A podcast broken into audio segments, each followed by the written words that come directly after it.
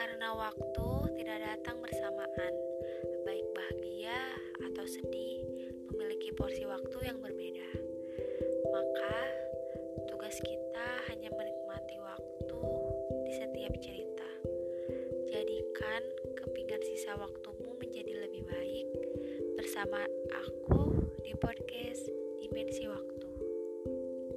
Podcast ini bercerita perjalanan hidup